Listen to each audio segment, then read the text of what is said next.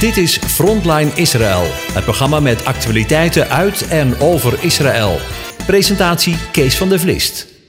Ja, hartelijk welkom beste luisteraars bij het uh, programma Frontline Israël met Karen en Jair Strijken in Naale, Israël. Goedemiddag. Goedemiddag vanuit Goede... regenachtig en koud Naale. Goedendag allemaal vanuit Goedendag. een, een ja. winters Israël.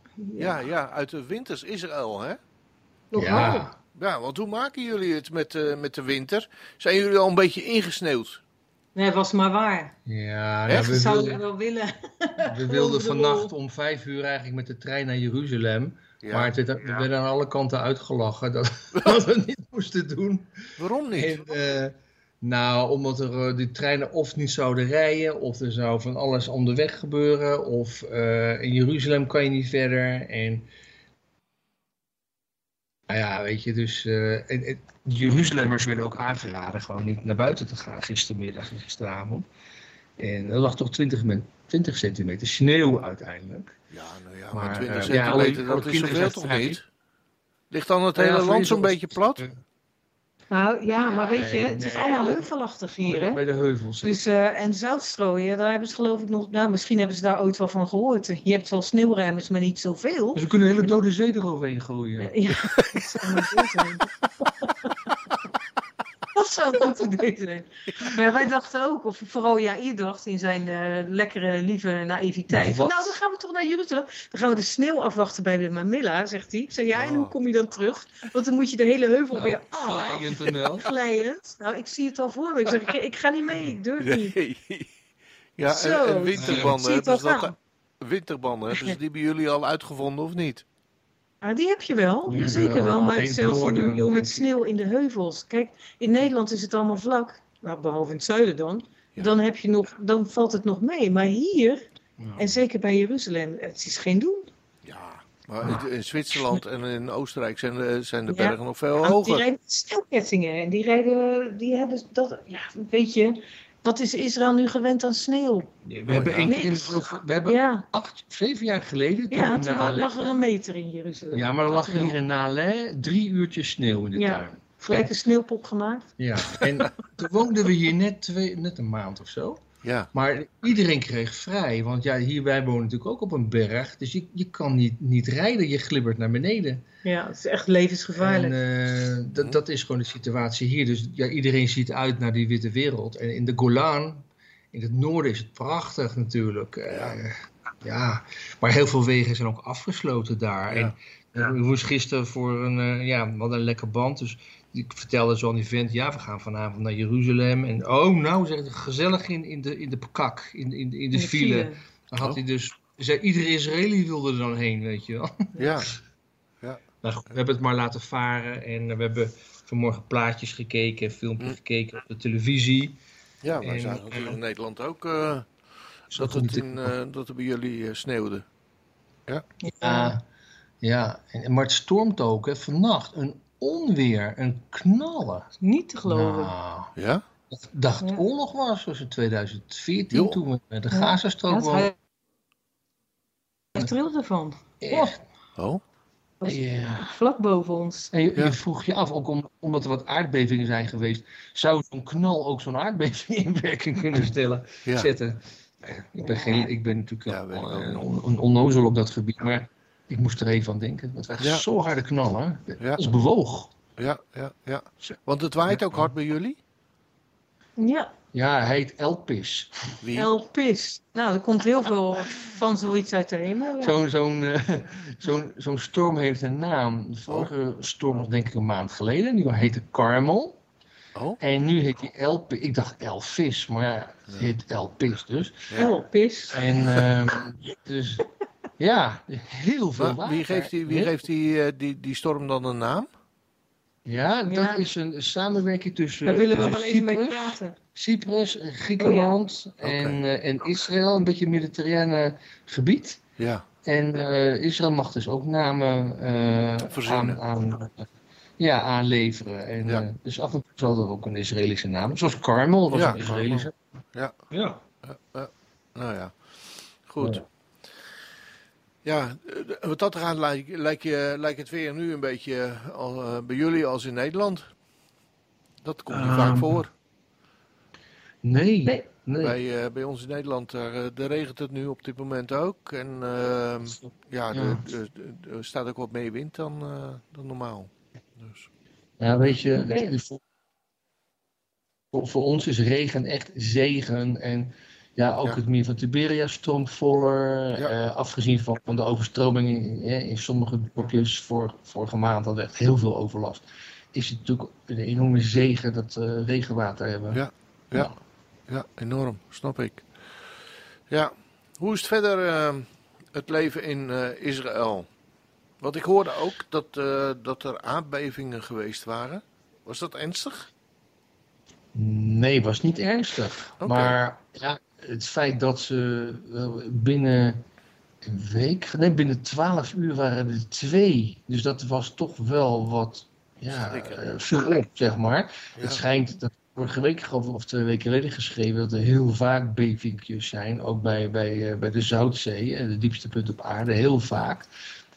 Kleintjes, één Ja. of twee punten eh, op de schaal van Richter. Maar deze waren drieënhalf. Mhm. En die werden behoorlijk gevoeld in, ja, in steden als Afula en de Ligt dat vlak bij jullie? eh, Nee hoor, dat ligt niet dichtbij. Dat ligt meer tussen ons en, en, en het meer van Tiberias in, zeg maar. Oh ja. Een stuk noordelijker dan, hè.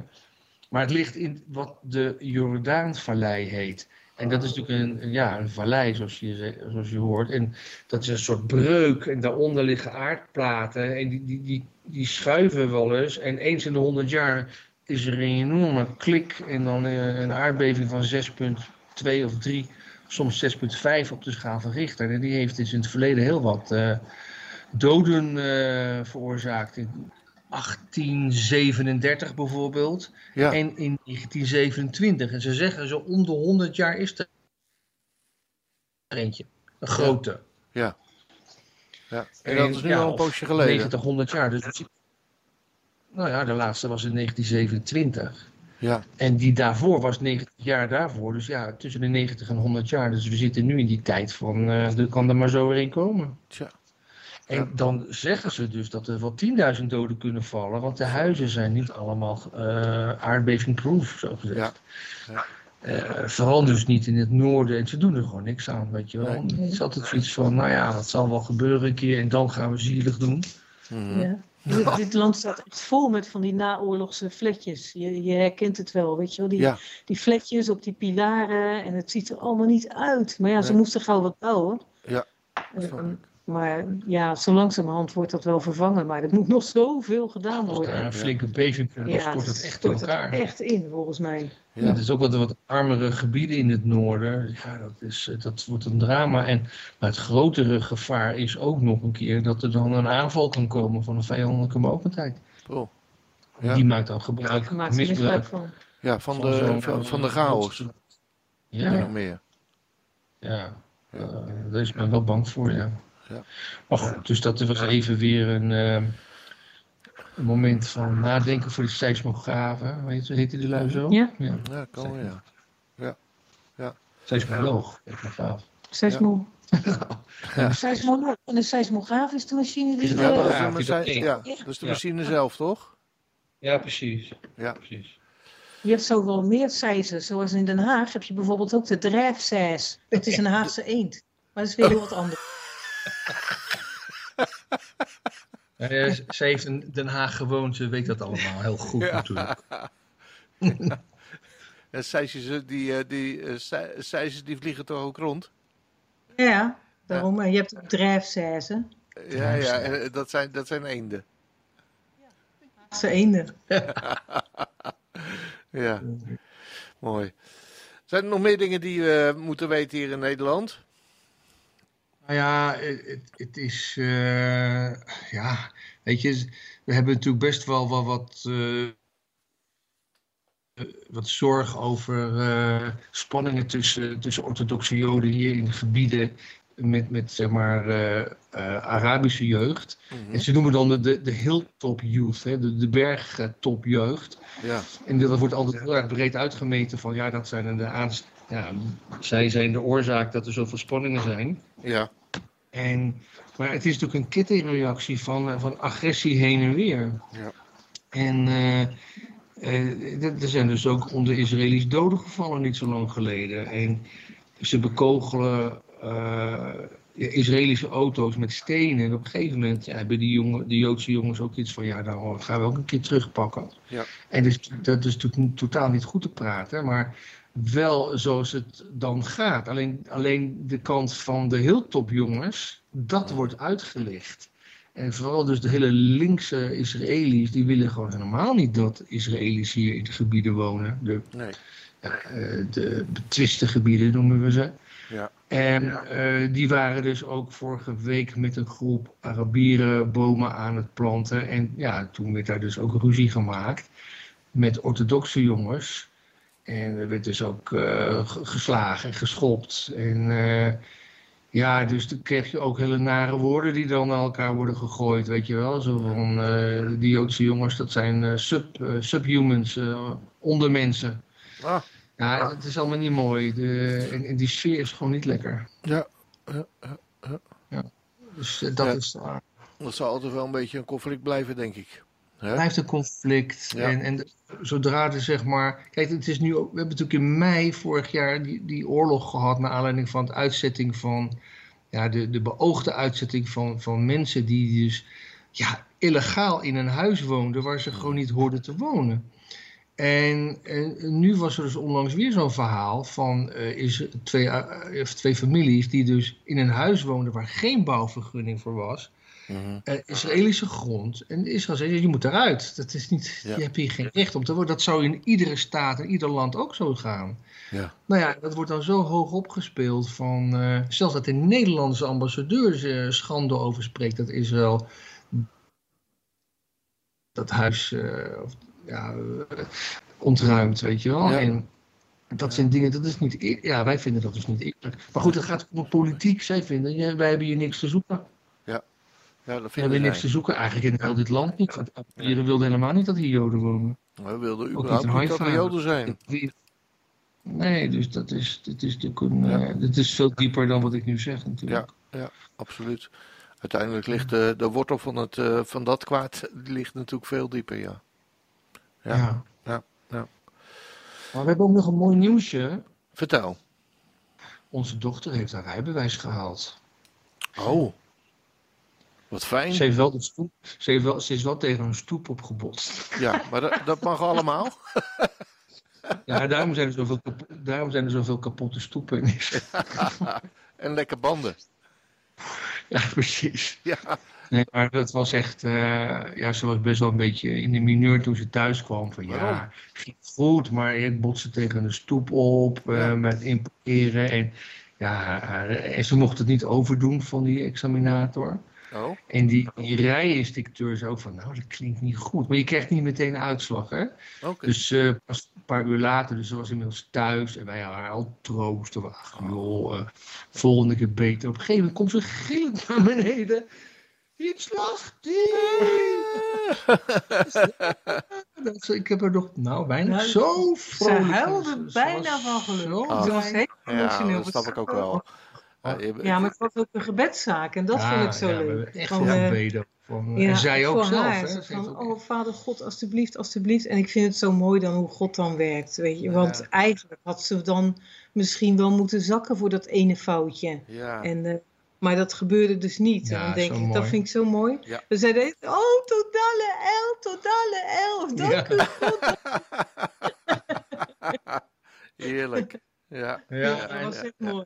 Vandaag mag ze dan voor het eerst eh, rijden. Wij moeten er wel bij blijven de eerste drie maanden. Oh. En, eh, maar de verzekering is vandaag ook geregeld. Dat ze dus de, ja, en, en als ze in de avond rijdt, moet ze een half jaar lang, vanaf nu, moet er een ouder of een volwassene bij zijn. Die, Als ze eh, s'avonds rijden. ook, eh, ja, ja, dus dat zijn op zich wel goede regels. Dat ze er gewoon toch voor zorgen dat de mensen wat meer ervaring krijgen. Ja, ja, ja. Ehm, Ja, Dus nou, ja. leuk joh. ja, Zijn jullie er ook is- blij mee? Ja, leuk. Ik vind het heel Ja. fijn. We zijn Ja. natuurlijk de auto kwijt, maar Ja, we vooruit. zijn wel Ja. de auto kwijt. Maar ja, nu ga jij maar boodschappen doen. Nou, Ja, nu ga jij maar... Ja, ja, ja. Rut, ga je even post ophalen, hè? Ja, ja, jij hebt al een lijstje wat ze voortaan kan doen. Ja. Ja, weer een fase verder, Sweet. Ja, dat, ik had het ook hoor. Nou, weer een fase, Ja, nieuwe fase. Ze, ze vliegen nog niet uit, maar ze rijden nou, wel, gewoon wel weg. bijna. augustus gaat Ja. zo het leger in. Ja, Dit- ja. Het Ja. is zo augustus. Ja, want hoe oud moet je zijn om eh, je rijbewijs te kunnen halen? Ja, 17. eh, Sam is ook al. eh, nou, Sam is nu 16, die is al eh, bezig. Ja, eh, al lang. En die gaat waarschijnlijk. Die wordt. Eh, morgen wordt hij eh 17. Ja. En in februari zal hij afrijden. Oh, oké. Dat staat Maar allemaal... het eh, is hier dan wel zo dat je nog drie maanden lang als ouders of als bijrijder erbij moet zijn. Dan moet dat Ja. getekend worden. Ja. Ja. En dan, is het, dan ben je natuurlijk ook nog echt geen 18. Dus Nee. nou ja, goed. Nee. Eh, zo, zo zei het. Ja, maar het is wel handig, omdat we wat afgelegener wonen. Ja, ja, ja. Ja, dus toch gauw, gauw even zeggen, goh, ga even naar een vriendin in Modein of zo. Ja, nou, precies. op de auto. Mooi. Toch? Ja, Ja. ja, Weer een fase hè, in het leven. ja, Ja. ja, zeker.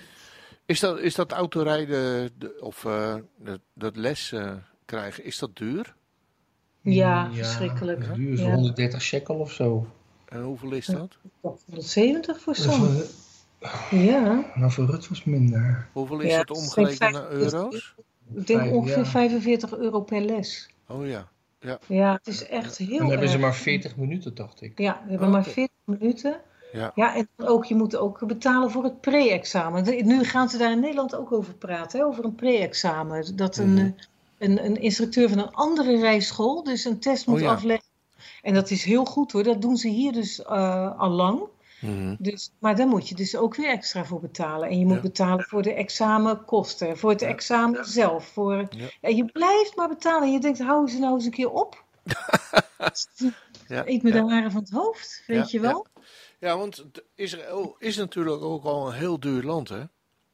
Ja, joh. Ja. Ja, ik, las, eh, ik las juist een artikel eh, hier in Nederland op eh israelnieuws.nl, de website. Dat inclusief de huur staat Israël op de tiende plek van de duurste landen. Maar Ja. exclusief op de zevende plek van de duurste Ja. landen in de wereld. En dat zijn 139 landen die, Nou. eh, die ze gemonitord hebben. Ja, moet je nagaan. Ja. Tel Aviv is de duurste Ja. stad ter wereld. Het is nu het is, het is duurder dan Parijs. Het is gewoon echt Het erg. is gewoon- Ja. en, ze, en iedere keer krijg je weer te horen, ja, de winkels eh, gaan de prijzen van 100 artikelen weer verhogen. Ja. Van de week hoorden we dat weer. Maar ja, Ja. dingen die wij niet zo heel veel eten, dus pasta's en zo. Ja. Maar ja, er zijn dus heel veel arme mensen in Israël. Dat hoorden we Ja. ook van een vriend. Mhm. En, en die eten eigenlijk alleen maar pasta. En die kinderen krijgen dan goedkoop. een eh, pasta met een lepel pindakaas of zo. En dat is dan ze het avondeten hebben. Dus dan wordt dat ook nog weer vooral dus pijn voor hun. Ja. Ja. Weet je wel? Het is zo zielig, want hier vlakbij ons is dus um, uh, Modine Elite. Dat is de een, ja, een van de arm, ja, ik dacht de armste stad van Israël. De armste. En dat is echt diep triest hoor. Dan denk ik van, nou, we zitten, onze kinderen zitten wel eens te zeuren van mag ik dit of mag ik dat? Of eh wanneer eten we vlees, zus of zo. Ja, hoor eens even. we, we, we hebben het gewoon goed. En eh, er zijn hier om ons heen mensen die hebben het echt verschrikkelijk arm. Ja. Echt, echt, dat kan je bijna niet voorstellen. Nee. Ja, Nee, ja, ik weet er een klein beetje van, eh, want eh, eh, binnen Pillar of Fire, waar eh, Radio. Israël onderdeel van uitmaakt, ehm, werken we ook mee met Israël Relief Aid. En Ja. eh, ja, sturen we elke, elke maand bijna wel een container naar, eh, naar Israël. Maar als je dan ook ziet wat, wat voor armoede er inderdaad geleden wordt. En eh, de hoeveelheid mensen die, eh, eh, Ja. die, die, die, het echt Die wel grens hebben. Ja. Ja. die ja, neemt dat alleen die maar toe. goed, alleen maar. Ja. Ja. Ja. Ja. En je ziet, nou ja, ik ben een paar, paar keer in Israël geweest dan natuurlijk. Maar je ziet dat niet zo vaak, eh, eh, dat mensen het arm hebben in Israël. Maar ja, Mensen schamen zich natuurlijk ook voor Ja. armoe. Dat is Ja. ook niet mooi om te laten zien, maar vooral binnen de orthodoxe wereld. Mhm. Kijk, ook aan, aan- aan de kleding zie je het niet zo. Het is allemaal zwarte kleding, vaak bij de mannen dan. Ja. Maar ze zijn vaak niet schoon. Ja. Weet je wat, ze zijn vaak versleten. We ook van een, van, een, eh, van een broeder hier uit het dorp. Die zei van, eh, nou, dan komen ze bij mij met kapotte schoenen. En hij werkt ook in de zorg. Ja. En, en, en, en kinderen die gewoon heel onverzorgd met gaten in de kleren en vieze nagels. Gewoon Ja. te grote gezinnen, te weinig aandacht en te weinig inkomen. Ja, maar zit dat dan voor, vooral in de orthodoxie?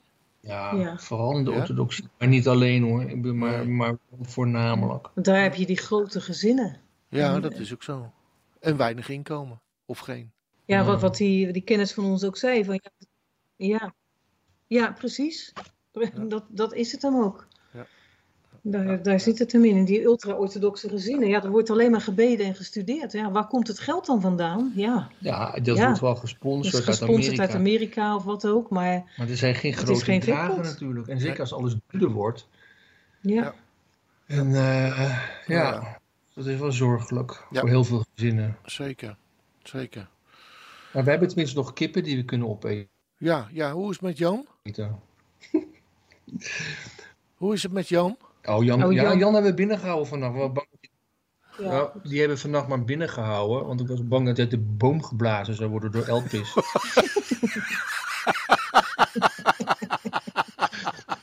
dus eh, ze mocht. Oh, ze eh, loopt hier net rond. Kom oh, eens, Jan. dag Jan. Ze mocht, eh, Kom eens even. ze mocht lekker binnen bij, de was, eh, bij het washok. Kijk of ze op de Heb ik dan een, eh, heb ik dan een stok. Kom maar. Ja. En Het is dan, wel zielig dat het beest elke, keer, elke nacht door jullie naar buiten gestuurd wordt trouwens.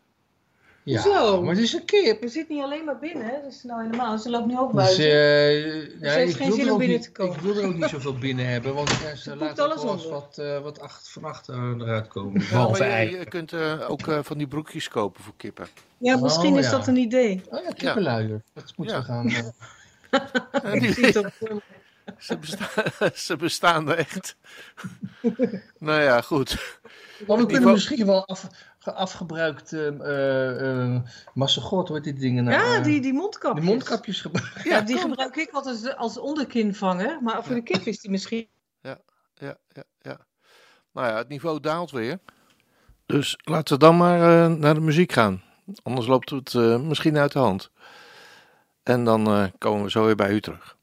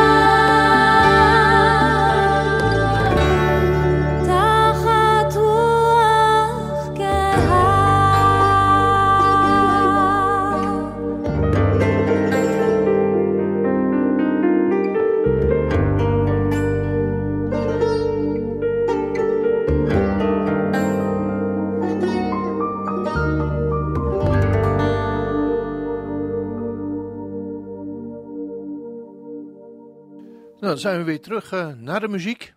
En eh, zoals gebruikelijk eh, nemen we dan de agenda van Studiehuis Regie door. Karen, vertel het in ons eens. Ja, ik ga losbranden. ja, dat is, zeggen we het altijd, ja. Klopt. Ja, we hebben 3 februari van half acht tot half negen een virtuele tour over Midden-Israël. Dus we beginnen in Naale, ons dorpje. En dan gaan we via Rehovot en Rishon LeZion en Bnei Barak naar Tel Aviv. Nou, Oké. en dan gaan we dus allerlei dingetjes eh, zien, eh, wat mensen zien, wat ehm, dingen laten zien waarvan het meest bijzondere misschien wel het oude eh munitiemuseum is, waar men na 48 ja, munitie maakte, onder een, onder een, niet te geloven eigenlijk, Ja, eh, onder een kleine kibbutz. En daarmee kon men, met die munitie, kon men toch eh, de, ja, de oprukkende vijand toch enigszins van het lijf houden. ja Of ik hoorde dat- dat, dat die mensen die daar, die daar woonden, eh, niet eens wisten dat er Ja. een munitiefabriek onder was, hè? Ja, ik weet niet wat ik zou doen als ik daar achteraf, achter zou komen. Als je daar zit met je kinderen. Ik vind eigenlijk wel Ja, een beetje bizar hoor. Want als dat fout gaat, dan, eh, dan wil je toch graag weten hoe of wat. ja, Dan kan je nog weg. Ja. Maar goed, daar dat we is volgende week donderdag, hè? Eh, 3 februari, Ja. ja. Is het donderdag? Volgens Ja, mij wel. Ja, ik ga even kijken. Ja? Ik heb Onthouden het mensen makkelijk. Ja, het is donderdag. Ja, dat is waar. Donderdag 3 februari. Ja. Ja, ik zal het er voortaan even bij zetten. Ja, nee, En dan gaan we. Ja, de 15e februari, dat is op een dinsdag, beginnen we met les 1 van onze ALEF-cursus Hebreeuws in zes dagen. Mhm. En dat is echt een cursus om eh Bijbels Hebreeuws te leren, om zelf te leren woordstammen te zoeken eh, in Hebreeuwse woorden. En dat is echt aan te raden. De eerste les mag iedereen vrijblijvend meedoen. De cursus kost in principe 79 euro. Maar als men zegt, nou, die- na die eerste les van nou, ik vind eigenlijk niks of ik heb geen tijd meer of wat dan ook, Mhm. Dan, eh, is, die cursus, dan is die les gewoon gratis. Oké. Eh, Ja, dus- en het aantal lessen, dat is? Zes. Zes Oké. lessen om de week. Ja. Dus 15, eh, ik wou zeggen 15 augustus. 15 februari de eerste. En dan 1 maart de tweede. En dan ook verder zo om de week. Om de week. Dus ook weer half acht via Zoom. Eh, we sturen de link een dag van tevoren. Als u zich nog niet opgegeven heeft voor die eerste les, geef u op en eh, snuffel er gewoon eens aan aan het prachtige Bijbels Hebreeuws. Het is echt de moeite waard. Dus dat is dat. Dus 15 Ja. februari en de tweede les 1 maart. Ehm, en dan 22 februari Mhm. doen we het Onze Vader gebed vanuit het Oh. Hebreeuws. Ja. En dat is natuurlijk ook heel gaaf, omdat je daar ook met het Grieks te maken hebt. En Ja. Ja, dan ga je terugvertalen naar wat in feite de, de rabbijnen deden toen ze de Septuaginta schreven Mhm. vanuit het Hebreeuws. En dan kan je dus ook weer terug vertalen. Ja. En dat is ook heel mooi. ja, dat kennen mensen natuurlijk niet. Nee, Tenminste, en de dat, meeste dat is mensen juist niet. heel bijzonder. Ja, zeker. Ja. Ja. Nou, dat belooft iets moois te worden, denk ik. Ja, die webinar is gratis. Ook weer half acht in de avond. En eh, geef u op via info.studiehuisgeschied.nl. Prima. En dan eh, 28 februari herhalen we de reis naar het zuiden. Waarmee we Uzi Tamar ook interviewen. Oh, die ja. Uzi Tamar, hoe mij nou? Uzi maar Noord, een man Ja, ja, ja, ja, ja, ja. zwager en schoonzus. En dat is ook heel mooi, want hij vertelt daar een verhaal over de oorlog, wat hij zelf heeft meegemaakt in de Hmm. oorlog van 67. Toen het front zat tegen Egypte. Hè, dat was die oorlog waarbij Egypte en Syrië meteen aanvielen tegelijk Ja. in het zuiden en het noorden. Ja. En hij heeft heel iets bijzonders meegemaakt, dat echt messiaans is. En mijn zwager is natuurlijk gewoon Jood, eh Israëli, maar niet messiaans. Maar hij heeft wel een heel bijzonder getuigenis. Oh. Dus dat is eh, heel mooi. 28 februari, half acht 's avonds. En dan gaan we alweer naar de Purim toe. 14 maart hebben we ons webinar over Purim. En dan moet ik even gaan kijken welke dag dat is. Nou zit de kat op mijn agenda. Het is de kat of de kip bij jullie. Ja, het is verschrikkelijk. Ja. Eh, het is op een maandagavond. Want we hebben wel gezien dat een aantal mensen toch niet op dinsdag of donderdag kun- kunnen. Dus we dachten, we doen het op maandagavond. En ook dat we er gewoon veel mensen bij eh, krijgen. Gratis webinar, zelfde tijd, zelfde plaats. Geven we op via hetzelfde adres. Ja. En dan 13 april Nou, nou. is het webinar over Pesach. En ook daar ga ik even kijken welke dag. Dat is op een woensdag. Oh, oké. Webinar Pesach. Dat is dan, dan begint vrijdagavond daarop begint eh, het feest, Pesach. de sedermaaltijd. Ja. Ehm, ja, is mooi. Dus ehm, dat Nou. is ook leuk om te volgen, omdat we echt die praktische dingen ook vertellen. Oh. En natuurlijk het hele verhaal erachter. Ja, ja. Nou, volle agenda's weer. Hè? Volle agenda. Ja, en dan- Jullie zitten niet stil. Nee, we zitten niet stil. Er lopen ook nog ALEF-cursussen in Nederland hè, via Ja. onze docentes. Ehm, alles loopt eigenlijk al, dus het is niet zo dat je daar nou nog bij kan. Maar Mhm. mochten mensen nu lessen gemist hebben, dan eh, is het altijd mogelijk om eh, eh, daar dan toch in te springen. Oké. Dus dat is dat. En er komt nog een Gmail-cursus aan, maar die begint pas in mei. En tegen die tijd zullen we dat wel vertellen. Die Ja, zal in. Houten zijn. Nou, mochten mensen het allemaal nog niet op een rijtje hebben, niet geen pen bij de hand gehad hebben, dan hoeven ze eigenlijk maar één ding te onthouden. En dat is jullie e-mailadres. Dat is info.studiehuisarchiet.nl Ja, En dan kun je opgeven voor de gratis nieuwsbrief. ook. En daar staat eh, ook eh, alle data's, die staan daar ook in. Dus ja, eh, alle data en de, de parasha en al het nieuws uit de regio. En over Ja. onszelf. soort precies. Precies. Ik vond trouwens niet erg aardig van je dat je zegt dat als mensen het niet op een rijtje hebben. Daar kunnen wij niet mee helpen. Dan moeten ze naar een psychiater natuurlijk. Ja, ja, dat, ja, ik bedoelde een ander rijtje. nee, eh, ik bedoel de data's eh, niet meer op een rijtje hebben. Dus eh, goed. Snap ik ook wel. Ik ben gewoon een pestkop. Ja, een beetje wel, hè? maar goed, dat weten de mensen inmiddels ook wel. Oh, oh echt? Oh. Er zijn ook weer ergere dingen. Ja. Ehm, nou, dan blijft de parasha over voor Ja. deze week. Ja, dat klopt. Het is parasha mishpatim. Mishpatim Mishpatim. betekent regelgevingen. Mhm. En dan lezen we Exodus 21 vanaf vers 10 tot 24 vers 18.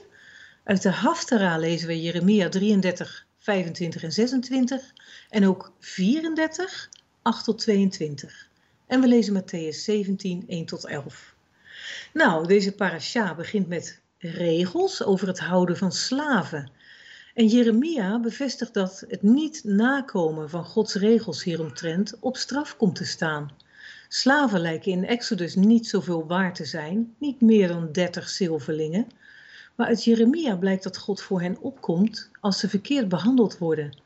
En dat doet weer denken aan zijn woorden, Gods woorden in Johannes 15, waar Jehoshua zegt: Ik noem u niet meer slaven, want een slaaf weet niet wat zijn meester doet. Juist hij werd voor de slavenprijs van 30 zilverlingen verraden om ons vrij te kopen van de slavernij. Er staat echt niets toevallig in de Bijbel.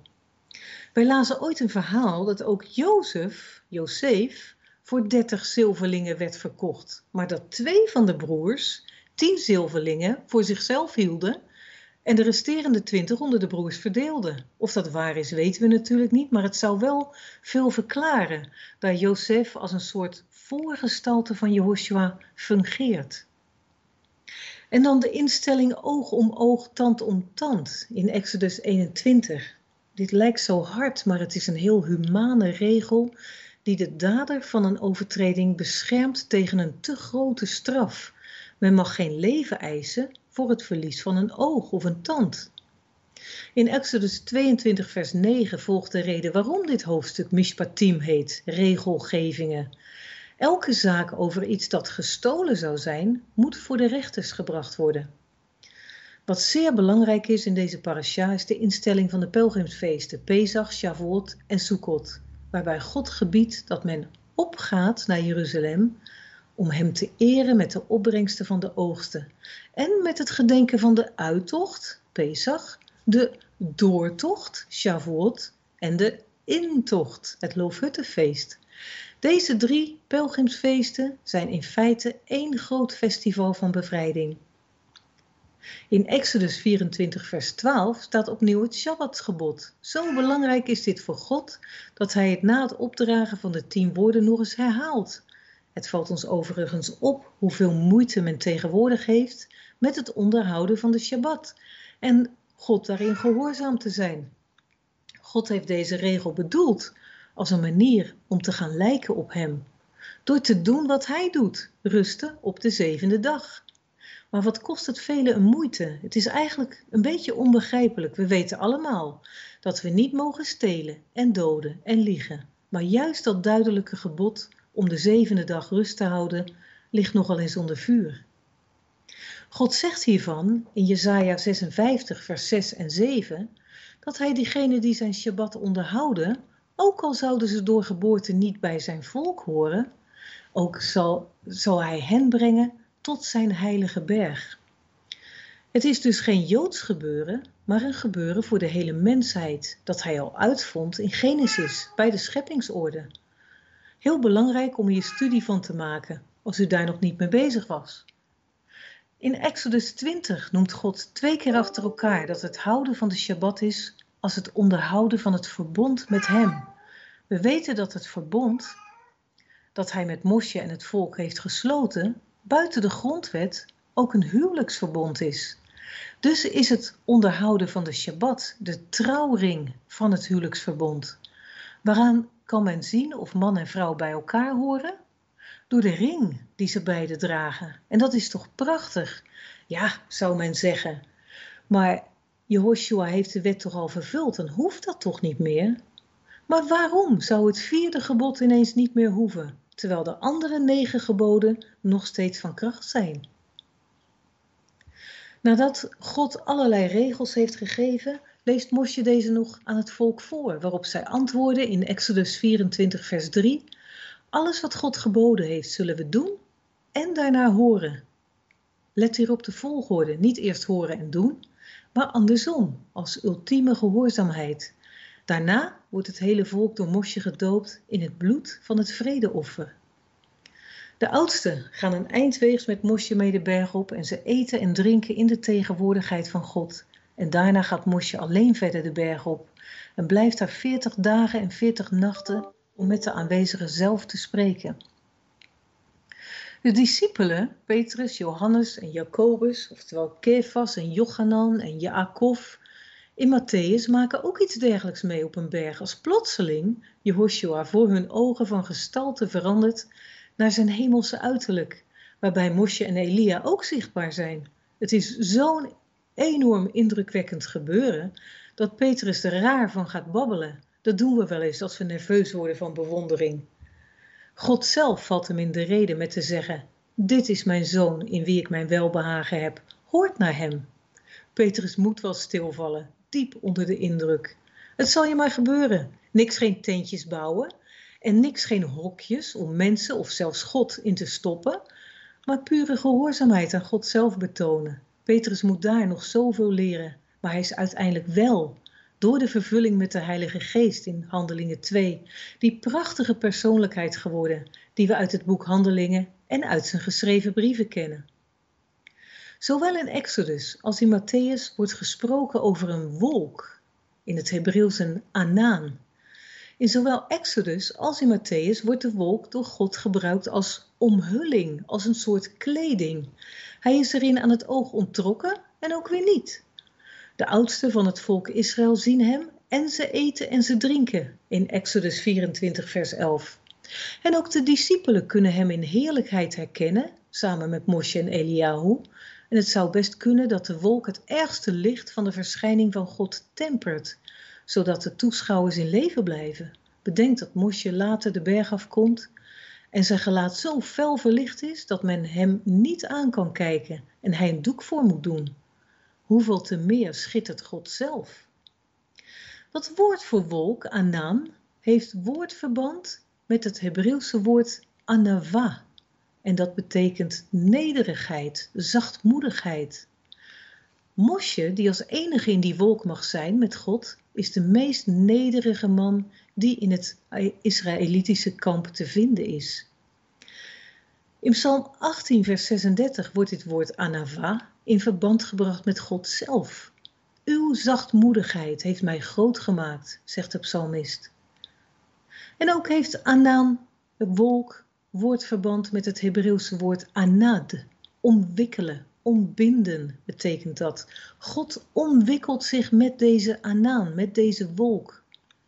En het woord voor oog, ayin, heeft ook verband met Anan. En dit betekent ook aanblik. Excuus. De aanblik van God wordt verzacht voor het oog door de Anan, de wolk. En dan nog een woordverband om het af te leren, is het woord nasa. Ook dat heeft woordverband met Anan. Het klinkt niet hetzelfde, maar beide woorden hebben twee letters gelijk. En nasa betekent doorreizen, opbreken. En we weten uit de geschiedenis van het volk Israël dat men opbreekt en doorreist op het moment dat de Anan, de wolk, opbreekt en doorreist. Bijbelstudie met gebruikmaking van Hebreeuwse woordverbanden is een bijzonder zegenende manier van studie. Shabbat shalom. Ja, dat uh, kun je inderdaad wel zeggen. Mooi hè? Dat, uh, ja, super. super. Ja, ja en dat, dat leren we dus op de ALEF-cursus. Ja. Als mensen hierdoor zijn aangesproken, doe dan mee op de 15e februari, Ja. want daar, daar leren we dat aan. Die woordverbanden te vinden en ehm, daarmee aan het werk te gaan. Het is zo bijzonder. Ja, dan gaat er eigenlijk weer een nieuwe Bijbel voor je open, denk ik, hè? Ja, absoluut. Ja. Ja, precies. Ja. Het is echt de, de rabbijnse Hebreeuwse taaltraditie wat je dan toepast. Dat is heel mooi. Ja. Ik moest heel even denken nog aan het woord nasa. Ja, Ehm, we- weet je of, of woord, dat woordverband ook te maken heeft met bijvoorbeeld de NASA? nee, maar het lijkt er wel op, hè? Ja, Ja, dat vind ik ook altijd zo leuk. ja. Lijkt er wel op. Nee, het woordverband, ja, NASA is volgens mij een afkorting, hè? Ja, dat weet ik niet. Eh, de, ja, vast en zeker. Het is vast een afkorting van Oké. iets. Ja, maar de- Eh, wat maar was dat de betekenis ook alweer? Hè? Wat was de betekenis ook alweer van NASA? Ja, opbreken. Opbreken, doorreizen. Nou, ja, Dat doorreizen. is wel heel grappig, ja. Goed. Nou, eh, weet je wat? Zullen wij NASA? Zullen wij opbreken? Dus laten we opbreken. Oké. Ja. Tot volgende week. Ja. Shabbat shalom. Shabbat shalom allemaal. Ja. Doei.